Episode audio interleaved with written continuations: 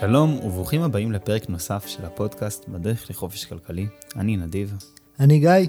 ואנחנו בפרק הקודם דיברנו על uh, השחקנים שנמצאים בשוק ההון. אנחנו עדיין בתוך פרקי המבוא האינסופיים של שוק ההון, אבל זה באמת מראה כמה, כמה שוק ההון הוא, הוא תחום ש, שצריך uh, להבין אותו כמו שצריך לפני שנכנסים. Uh, ובפרק קודם דיברנו על השחקנים שנמצאים איתנו בשוק ההון, דיברנו על קרנות הפנסיה והביטוח וקרנות הגידור.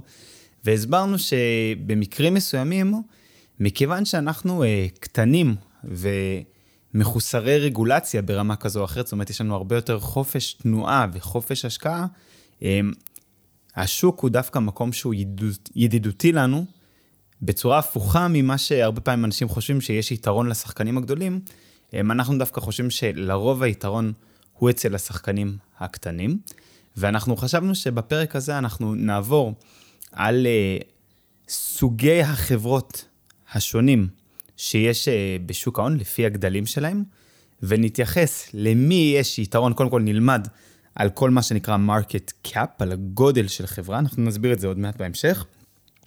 נבין מה זה, ונבין למי יש יתרון uh, בתוך uh, כל uh, סדר גודל של חברה. טוב, גיא, אז באמת uh, נתחיל, אתה רוצה להוסיף איזה משהו? בוא נתחיל.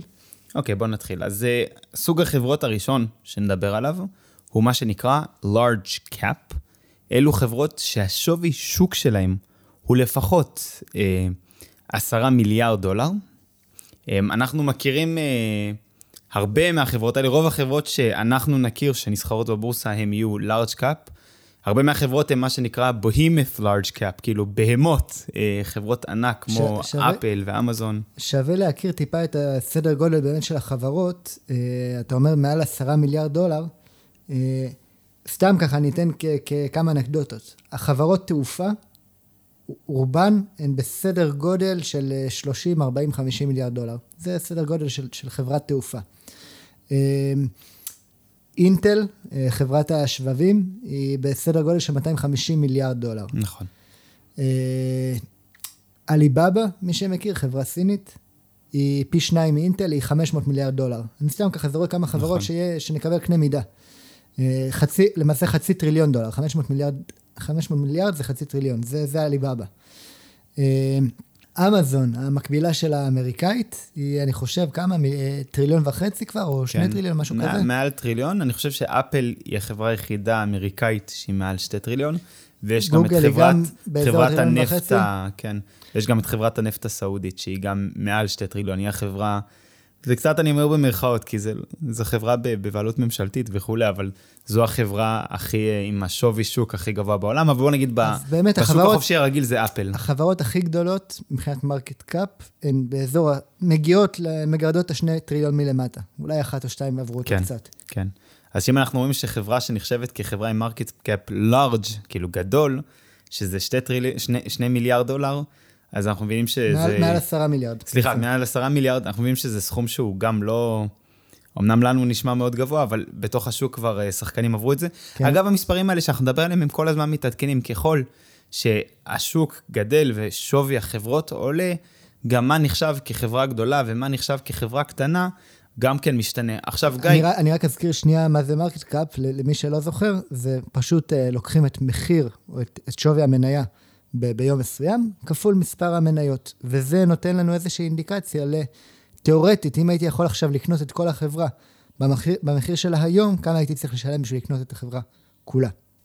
זה, נכון. זה market cap. נכון. עכשיו, כשאנחנו מדברים על החברות האלה, על ה-large market cap, האם, גיא, אתה חושב שלנו יש יתרון על פני השחקנים הגדולים, המוסדיים, אה, בלהבין אילו מניות כדאי לקנות ואילו לא? Uh, תראה, זה, זה, החברות הכי נגישות. המרקט קאפ זה בגדול החברות שהכי הכי מפורסמות, הכי נגישות, יש בהן הכי הרבה, בדרך כלל, הכי הרבה נזילות, הכי הרבה מסחר, הכי הרבה תעבורה. אה, זה חברות, אנחנו, אנחנו נדבר עוד על הנושא של, אה, באחד הפרקים נדבר על הנושא של spread. spread זה מרווח, מרווח, כן. מרווח בין מחיר הקנייה לבין מחיר המכירה. יש לו משמעות כשאנחנו באים ומבצעים פעולות. כמה שהספרד הוא יותר צר, יותר, יותר, יותר קטן, זה טוב לנו בתור, בתור משקיעים. הלארג' קאפ, כן הספרד שלהם הוא בדרך כלל צר וקטן. אה, כן, אבל אין, אין, לנו, אין לנו איזשהו יתרון באמת משמעותי, מהותי, שאני יכול לחשוב עליו. ברמת, ה, ברמת הידע, כל הידע שנמצא על אמזון, כדוגמה, שאני יכול להשיג, תאמינו שגם המוסדיים יכולים להשיג, ואפילו בצורה יותר טובה ממני. ומכיוון שאמזון היא חברה גדולה, והם יכולים להשקיע בה הרבה מאוד כסף, שווה להם להשקיע הרבה מאוד כסף, זמן, מאמצים, שאנשים מאוד מאוד חכמים, אנליסטים מאוד חכמים, ילמדו את כל האספקטים של החברה, ינתחו אותה טוב טוב, ואני אגיד פה, בסיטואציה הזאת, לדעתי, לכל הפחות, במקרה הכי טוב, יש לי אולי שוויון עם השחקנים הגדולים, לדעתי יש, כי מכיוון שאני יכול לקנות בנזילות יותר מהירה, בסכומים יותר, אה, יותר קטנים, ולתפוס מחירים יותר זולים בלי לדחוף את המחיר כלפי מעלה. אבל בגדול הייתי אומר שפה הייתי אפילו צריך להגיד ש, שיש יתרון דווקא לשחקנים הגדולים, זה המגרש שלהם. אמ, זה לא אומר שאני לא משקיע בחברות גדולות, אבל זה כן אומר שאני לא, מח... לא מתמקד שם. החברות הגדולות שאני כן אתמקד בהן, אלו חברות שהמשקיעים הגדולים או מנועים מסיבות רגולטוריות להשקיע בהן, או מנועים מסיבות אה, עסקיות להשקיע בהן, עסקיות פנים עסקיות או כלכליות להשקיע בהן, ובוא באמת ניגע בדבר הזה, גיא. מתי אה, גוף מוסדי, באיזה סוג של חברה גוף מוסדי, לא תסכים להשקיע, או לא תוכל להשקיע? אז דיברנו באמת על הפנסיות למשל, על, על גופי פנסיה, שלהם יש הגדרות, אה, כמו כמה אחוז הם חייבים להחזיק ב, ב, במניות וכמה אחוז באג"חים למשל. אה, אני אתן פה איזה אנקדוטה על האג"חים, למרות שזה לא, לא הנושא של הפרק. יש סיטואציות, למשל, שמוסדים מחויבים להחזיק אג"חים בדירוג שהוא גבוה.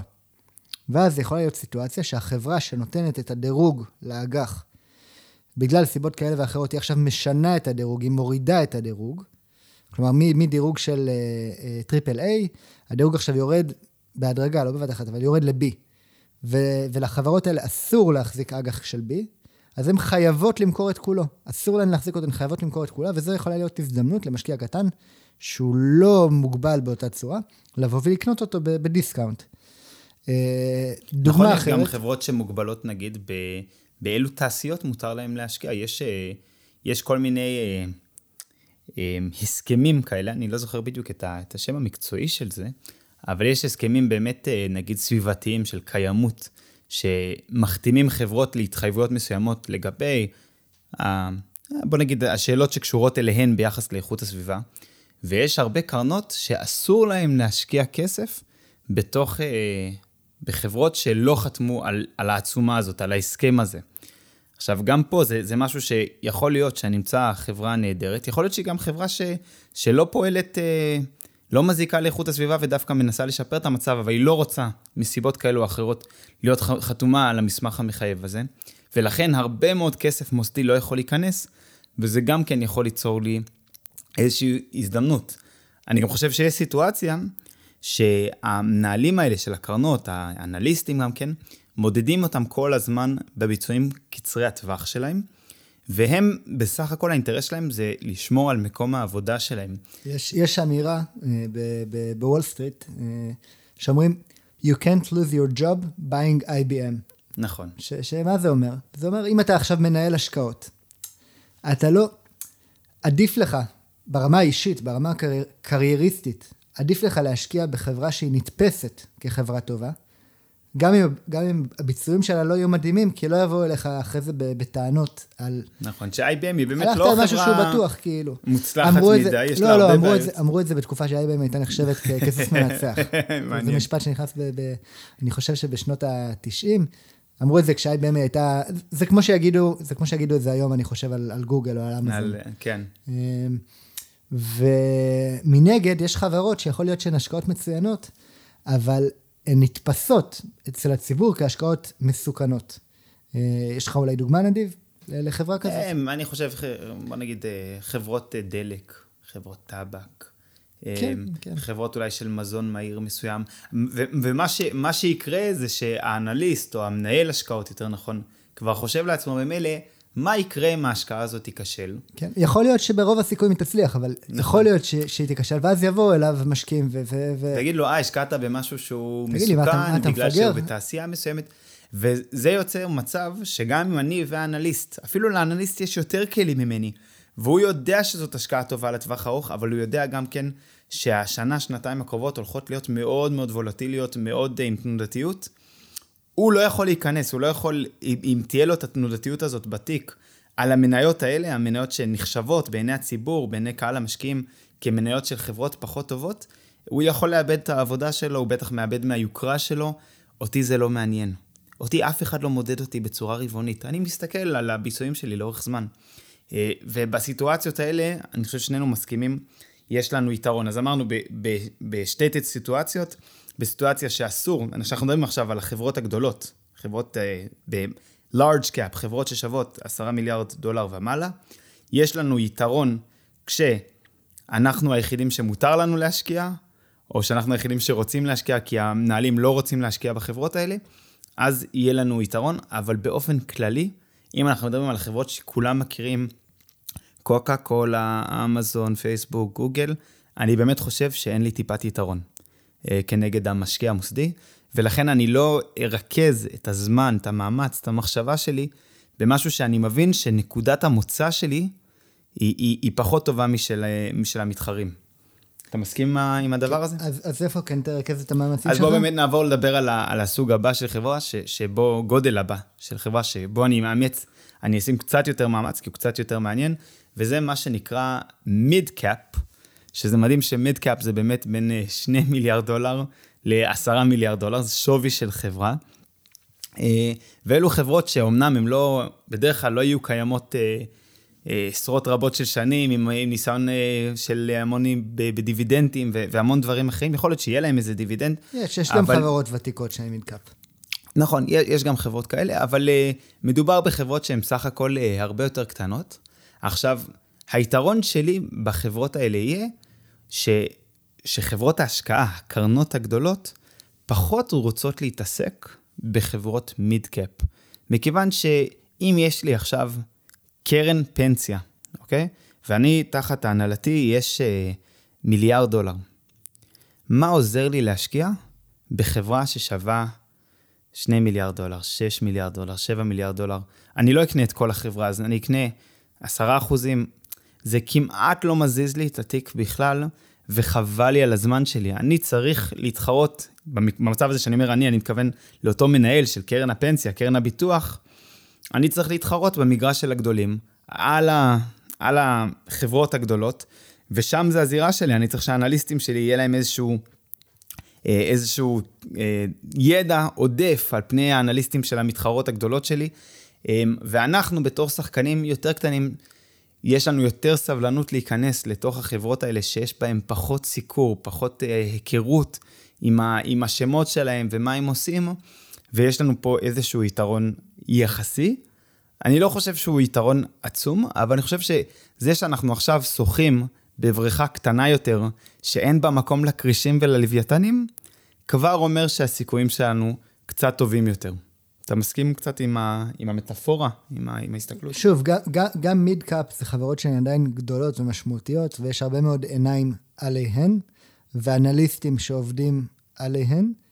אמ, אבל, ו, וגם ככל שאנחנו הולכים וקטנים בגודל החברה, אז אותם ספרדס, ש, ש, ששוב, עוד... מרווחים בין כן. המחיר של, ה, של, ה, של הבקשה וה, והמכירה. כן, אז הם, הם הולכים וגדלים גם כן. אבל... Uh, אבל כן, כנראה שיהיה לנו יותר הזדמנויות מעניינות במידקאפ, כמו שיהיו לנו יותר הזדמנויות מעניינות להשקעה אולי בנדל"ן, במקומות שהם טיפה פחות, אתה יודע, לא, לא נכון, לא בלב תל אביב, אלא אנחנו נלך לאיזשהו מקום פריפריאלי יותר, שלא כל המשקיעים מחפשים בו דירות להשקעה. כן. נכון, אז אם אנחנו מסכמים שנייה עד עכשיו, דיברנו על החברות large cap, אמרנו שהן חברות בשווי שוק של מעל 10 מיליארד דולר. אמרנו שאין לנו יתרון תחרותי ברוב החברות האלה. בחברות מסוימות, אנחנו, יש לנו יתרון תחרותי שאנחנו להיכנס אליהן, מכיוון שקרנות לא ירצו או לא יוכלו להיכנס אליהן מסיבות כאלו ואחרות. אחר כך דיברנו על חברות המיד קאפ, בין 2 ל-10 מיליארד דולר, שם אמרנו שיש לנו איזשהו יתרון קטן שהרבה מהחברות השקעות, הקרנות, לא נמצאות שם, אבל עדיין היתרון שלנו. הוא... זאת אומרת, יש הרבה שחקנים חכמים מאוד שמסתובבים בתחום הזה של, ה... של חברות המידקאפ ומחפשים שם את החברות להשקיע. מחברות המידקאפ אנחנו עוברים כמובן לחברות הסמול קאפ, החברות הקטנות, בעלות השווי שוק הנמוך. מדובר על חברות בשווי שוק שמתחיל ב-300 מיליון דולר עד בערך 2 מיליארד דולר. עכשיו גיא, כשאנחנו מסתכלים על החברות האלה, מה, האם בכלל, האם יש לנו יתרון אה, כמשקיעים קטנים, כשחקנים קטנים, במגרש הזה של החברות הקטנות? אה, ואם כן, מהו? אז שוב, ככל שאנחנו הולכים לחברות שהן יותר קטנות, אנחנו הולכים לשווקים שהם פחות משוכללים, לשווקים עם, עם פחות עיניים. עדיין אנחנו בשוק ההון, עדיין אנחנו מדברים על חברות גדולות, עדיין מדובר פה על שוק שהוא יעיל, יעיל ברובו, אבל ככל שאנחנו הולכים וקטנים בגודל של ה market cap, באמת אה, אנחנו הולכים לשוק שהוא פחות אה, משוקלל. ובשוק שהוא פחות משוקלל יש יותר הזדמנויות, יש יותר אה, אה, חוסר איזונים אה, של מחיר, אה, יש פחות עיניים מקצועיות שמנתחות. יש גם יותר ו... תנודתיות בחברות הקטנות. יש יותר תנודתיות, ובאופן כללי, וזה פחות מעניין את הדגים הגדולים. כלומר, הדגים הגדולים הם פחות נמצאים במקומות האלה. הקרנות אינדקס, אה, קרנות למעשה שמשקיעות את ה... או קרנות נאמנות שמבוססות על אינדקס מסוים, הרבה פעמים כן פועלות במרחבים האלה, אבל uh, קרנות ש, שמנהלות כספים באופן uh, שהוא, ש, שהוא מודע, שהוא בוחר, הן באמת פחות, פחות נמצאות שם במקומות האלה. כן. אני חושב ששנייה אחת נדבר שנייה על, על, על הרמה העקרונית. ככל שהשוק הוא יותר קטן ברמת השחקנים שמשחקים בו, פחות שחקנים מחליטים להשתתף בתוך השוק, אז צריך להיות פחות מתוחכם בשביל להצליח בו. זה, זה בדיוק כמו שאם אני אגש עכשיו למבחן ואני אתחרה בתוצאות שלי בפסיכומטרי מול אלף איש או מול עשרת אלפים איש, אני עדיף להיות מול אלף. זה, זה, זה, די, אה, זה די פשוט לי ש... אתה עושה לי פרצוף שאתה מעדיף להיות מול עשרת אלפים. אני לא, אני, אני רוצה שתמשיך, תפתח את הנקודה, כי, כי לא, לא, לא ברור לי למה אתה, למה, למה אתה הולך פה. כשאנחנו נמצאים בשוק שהוא מצומצם במספר המשתתפים שלו, יש לנו יותר מקום להביא לידי ביטוי את היתרונות היחסיים שלנו בתוך השוק. וככל שהשוק הוא יותר קטן, היתרון היחסי שלנו יוכל לבוא לידי ביטוי בצורה אחוזית יותר גבוהה. אני אתן דוגמה שנייה ש... שתסביר את העניין. אנחנו עכשיו יושבים בתל אביב, במרחק של, אה, מרחק של חמש דקות הליכה מחוף הים. עכשיו, אם מישהו ייתן לי עכשיו 100 מיליון דולר, ויגיד לי, נדיב, בוא תעשה לי תשואה היום של 100% על הכסף. 100 מיליון דולר, תעשה לי תשואה של 100% על הכסף, אני צריך להגיד לו, מצטער, אין לי, אין לי, אין לי, אין, אין לי אפילו מה לנסות, כי אין לי שמץ צריך לעשות את זה. אבל אם גיא, תיתן לי עכשיו 100 שקל, בסדר? ותגיד לי, בוא תעשה תשואה של 100% על הכסף. ברגע אחד אני אלך שנייה לחנות ארטיקים פה ליד, אני אקח את הארטיקים לחוף הים, כל ארטיק שקניתי בשקל אני אמכור בשני שקל, ו- וזהו, ועשיתי 100% תשואה לכסף. זה הרבה הרבה יותר קל בשווקים הקטנים. עכשיו, אם, למה לא כל אנשי תל אביב הולכים עכשיו לקיוסק לקנות ארטיקים ולמכור בים? כי זה לא שווה להם, זה לא שווה להם, כמו שגם, כמובן שגם לי זה לא שווה. הם לא יעשו את זה, זה לא שווה להם את היום עבודה בשביל להפוך 100 שקל ל-200 שקל, זה בדיוק ככה שאנחנו מדברים על שווקים, אה, שווקים פיננסיים.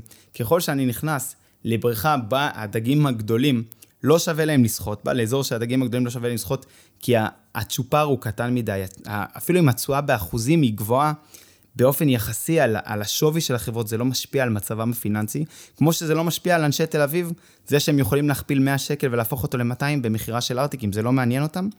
אבל אם אני מבין שבשוק ההון, בשונה מפה בעולם האמיתי של תל אביב, אני באמת דג קטנטן, ואם יש לי כמה עשרות או מאות אלפי שקלים, אני הדג, אני, אני דגיגון בתוך הסיפור הזה, ולכן מה שלא, את כל השאר לא מעניין התשואה של ה-100, 300, 400 אחוזים שאפשר לעשות על ה-100, 200 אלף שקל שלי. אבל אם אני מבין את זה, כמה שאני קטן וכמה שקל לי להשיג תשואה עודפת על הכסף, במקום שאף אחד אחר לא מנסה לעשות את זה, שם יש לי את היתרון התחרותי הגדול ביותר, ושם הלהיות קטן, מבחינת השווי שלי, זה, זה, זה היתרון שלי, זה הכוח שלי. הבנת? אוקיי, okay, אז יש לי שאלה בעצם. למה אותם משקיעים אה, אה, גדולים ומתוחכמים, כמו נגיד אותם קרנות פנסיה, הרי הם מעסיקים הרבה אנשים, הם מעסיקים אנליסטים כאלה ואחרים. מה, לא שווה להם להעסיק אנליסט אחד על החברה הקטנה הזו, אנליסט אחר על חברה קטנה אחרת, ו- וליהנות, אם באמת יש איזה שהן תשואות עודפות, שאגב, היסטורית יש תשואות עודפות לשווקים קטנים, מניות קטנות, היסטורית, הן, הן מביאות סדר גודל של 2% בשנה יותר מאשר חברות גדולות. אבל למה אותם גדולים לא באים ו- ומעסיקים את האנליסטים שלהם על החברות הקטנות? מה, שעה של אנליסט עולה כל כך הרבה שהיא לא שווה על חברה קטנה כאילו? האמת שאתה שואל שאלה טובה, אני, אני לא יודע. אני לא יודע, כי אני כן, אני כן רואה את ההיגיון אה, שחברות אה, השקעה גדולות דווקא כן היו מתעסקות ב, בחברות קטנות. אה, מה אתה חושב? אני גם לא יודע. זו, זו אולי, שאלה, אולי מישהו מהצופים יכול לעזור לנו פה. יכול להיות שגם עלינו על איזה משהו ש... שכדאי לעשות אותו. יכול להיות שזה... אני לא יודע אם... טוב, זה, זו שאלה באמת מעניינת בתוך הכלכלה של חברות ההשקעה, אה, בתוך המערכת הפיננסית שלהם והשיקולים העסקיים שלהם, אה, אבל, אבל ברור שיש אה, יתרון מסוים. בהשקעה שהיא כזאת. יכול להיות שהם מחליטים לרכז את הכוח, להבין חברה אחת, מצמידים לחברה הגדולה, עשרה אנליסטים בשביל להבין את כל האספקטים שלה, זה יותר כדאי להם. יכול להיות שזה פשוט לא כלכלי במובן של, אתה יודע, אם אני פה בתל אביב, אני יכול עכשיו אה, אולי לשכור עשרה, עשרה חבר'ה, לשלם, לשלם להם שכר שעתי, קחו את הארטיקים, תחלקו בים, ויש לי עסק עכשיו שמחלק ארטיקים בים וכאילו תופס את המרווח הזה. אתה מבין? אבל יכול להיות שהעלויות הנלוות של...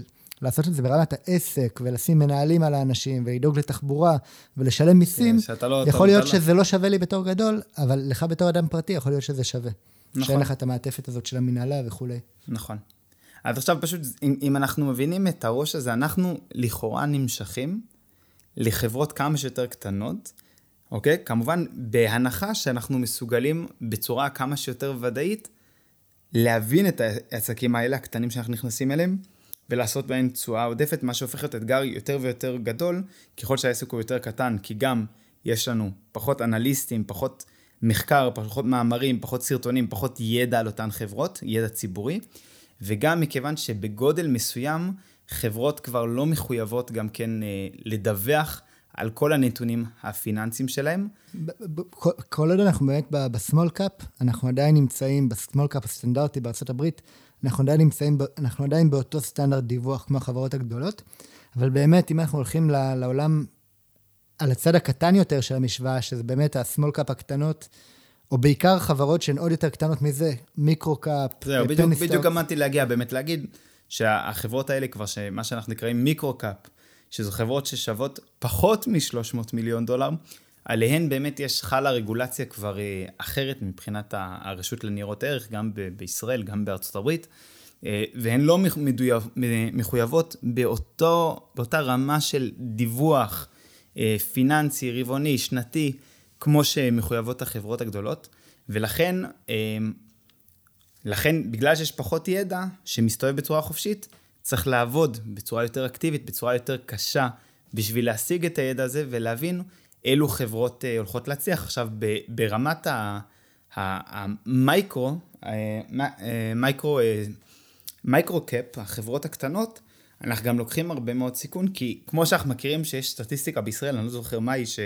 ש-50% מהעסקים נכשלים, אתה זוכר מה, מה הסטטיסטיקה, מה המספר? 84 אחוז בחמש שנים. מטורף, זה מטורף. זאת אומרת, סתם ככה הנחה שלי, שאני מסתכל על עסקים קטנים, ופה בעולם של שוק ההון זה עסקים מתחת ל-300 מיליון דולר, אבל, אבל ברור לי שאנחנו גם מחזירים עסקים של, אה, כמו שדיברנו על סביח פרישמנים כאלה, כל מיני עסקים שווים כמה מיליוני שקלים. אמ, הסיכוי של עסק להצליח, הסטטיסטיקה היא לא לטובתו.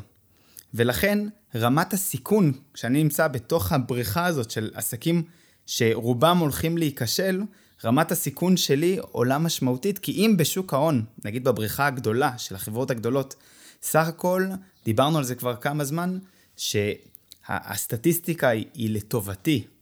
זאת אומרת, הסך הכל שוק ההון גדל עם הזמן, הכלכלה גדלה עם הזמן, כשאני נמצא בבריכה של חברות שהסטטיסטיקה מעידה שרובן ייכשלו, אני צריך להיות הרבה הרבה יותר מתוחכם בשביל להצליח בהן, לא להיכשל, אבל אם אני אצליח, כמובן שהתגמול שלי יהיה בהתאם. הוא יהיה משמעותי. צריך גם לזכור את, ה, את החיסרון המשמעותי. יש, יש כמה חסרונות מאוד משמעותיים באמת לאותם small cap ומיקרו קאפ. ש... שאנחנו קוראים להם, בעולם המניות, סתם שנכיר, קוראים להם מניות פני. מניית פני זו מניה שנסחרת במחיר שהוא עד 5 דולר. פעם זה היה מניה שהייתה מתחת לדולר אחד, היום זה, בגלל שהגדילה של השוק, מדובר מניות שנסחרות עד 5 אני, דולר. אני מדבר באופן כללי, גם על מניות פני וגם על small cap. Uh, הספרדים שלנו הם הרבה יותר גדולים, ש... שזה אומר שהעלות שלנו של להיכנס ולצאת מפוזיציה, יש לנו עלויות שהן משמעותיות. העמלות שלנו הן גם בדרך כלל יותר משמעותיות, כי מחיר המניה הוא בדרך כלל נמוך יותר, לא רק מחיר החברה. אה, וגם יש לנו את הקושי של נזילות, שהחברות הקטנות האלה הן, אה, הן הרבה פחות נזילות מהחברות הגדולות, יש הרבה פחות מסחר, ו, ולכן אה, קשה לצאת ולהיכנס אליהם בזמנים קצרים עם, עם הון משמעותי. כן. טוב, אם אנחנו רוצים באמת אה, לסכם את הדבר הזה, אז בפרק הקודם אמרנו שלשחקן הקטן הרבה פעמים יש, לא רק שהוא בטח שהוא יכול להתחרות עם, ה, עם השחקנים הגדולים, הוא גם הרבה פעמים יש לו יתרונות כנגדם. הסברנו שבחברות הגדולות ביותר במשק היתרון הוא קטן, וצריך, זה בעיקר בנישות מסוימות, איפה שחברות ההשקעה הגדולות, הקרנות לא רוצות להשקיע. במיד קאפ יש קצת יותר יתרון, וככל שנרד יותר קטן יהיה יותר יתרון. כמובן שהקטן ביותר, שאפילו לא דיברנו עליו, זה כמובן עסק שבכלל לא נסחר בבורסה, ובו באמת, ובו באמת יש את פוטנציאל התשואה הכי גבוה. זאת אומרת, אם אתם מכירים מישהו שעכשיו הקים עסק, ואתם רואים שהעסק שלו מוצלח, ואף אחד לא מכיר את העסק הזה, זה, זה חבר שלכם מהכיתה, מהשכונה, שהקים עסק, ואתם מבינים שאתם יכולים לבוא אליו ולהגיד לו, שמע, בוא, אני רואה שיש לך עסק טוב, בוא תכניס אותי כשותף, אני אקנה מניות, בעלות בעסק שלך, אני אעזור לך להגדיל אותו. שם, אם עשיתם אה, בחירה נכונה ונכנסתם לעסק הנכון, התשואות שלכם מבחינת אחוזים, שזה מה שרלוונטי לנו בתור שחקנים, אה, בכלל, בתור שחקנים קטנים בעיקר, אנחנו רוצים לעשות באחוזים את התשואה הכי גבוהה שאנחנו יכולים על ההון העצמי שלנו, ושם יהיו התשואות אה, הגבוהות ביותר. אני חושב שאם אנחנו מביאים את זה שנייה לדרך לחופש כלכלי שלנו, לדרך, לתהליך שאנחנו עברנו, זה אנחנו מאוד עברנו במהלך השנה האחרונה, ממקום של להסתכל על ה... על ה-large cap, על חברות הענק, על הגוגלים והאמזונים של העולם, ולחשוב, או, אני אשקיע בהם ואני אעשה תשואה טובה ו- וכאלה.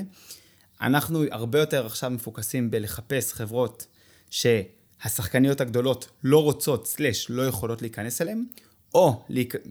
או להיכנס לחברות שהן קטנות, אפילו מאוד מאוד קטנות, אם אנחנו יכולים למצוא, לאו דווקא שנמצא. אם אנחנו יכולים להבין אותן ברמה נכון, סבירה. למצוא סבירה. חברות שאנחנו מבינים ואנחנו יודעים בוודאות גבוהה מאוד שהעסק יצליח, מסיבה כזו או אחרת. זאת אומרת, אני מבחינתי, בוא נגיד שיש לי 100 אלף שקל להשקיע, סתם ככה, בכל דבר, אם זה נדל"ן, שוק ההון וזה, העדיפות הראשונה שלי תהיה להשקיע בעסק שאני מכיר, שהוא עסק קטן, שאני מאמין בו ב-100%, ואני יודע שאני יכול להצמיח אותו מהר. אח, אחר כך באמת י, י, יגיעו הנדל"ן ושוק ההון, אמ, אבל ההנחה היא שאם אני יכול לעשות תשואות יותר גבוהות מעסק בלי להשקיע את כל הזמן שלי בתוכו, שגם נדבר הרבה על אלמנט הזמן, אה, שם תהיה ההשקעה המועדפת עליי, ואנחנו מוצאים את עצמנו באמת עם הזמן, פחות ופחות נמצאים במניות הגדולות, בחברות הגדולות, יותר מחפשים דברים נישתיים, דברים שיש בהם רווח עודף, סיכון נמוך ורווח עודף. ואני חושב שעם הזמן גם, גיא, אנחנו מוצאים את עצמנו גם יותר ויותר נדחפים לתוך העולם שנקרא private equity, לתוך מניות, או סליחה, לתוך חברות uh, פרטיות, שלא נסחרות בשום שווקים, חברות קטנות, שאנחנו מבינים אותן, לומדים עליהן, ו- ובוחנים אפשרות של רכישה של אותן uh, חברות קטנות, או הצטרפות, או וכולי. כן. טוב, אז באמת אני חושב שהפרק הזה נתן לנו איזושהי הבנה של הסביבה או עוד, עוד זווית על הסביבה הכלכלית, על הסביבה של שוק ההון. Uh, תודה שהייתם איתנו ונתראה בפרק הבא.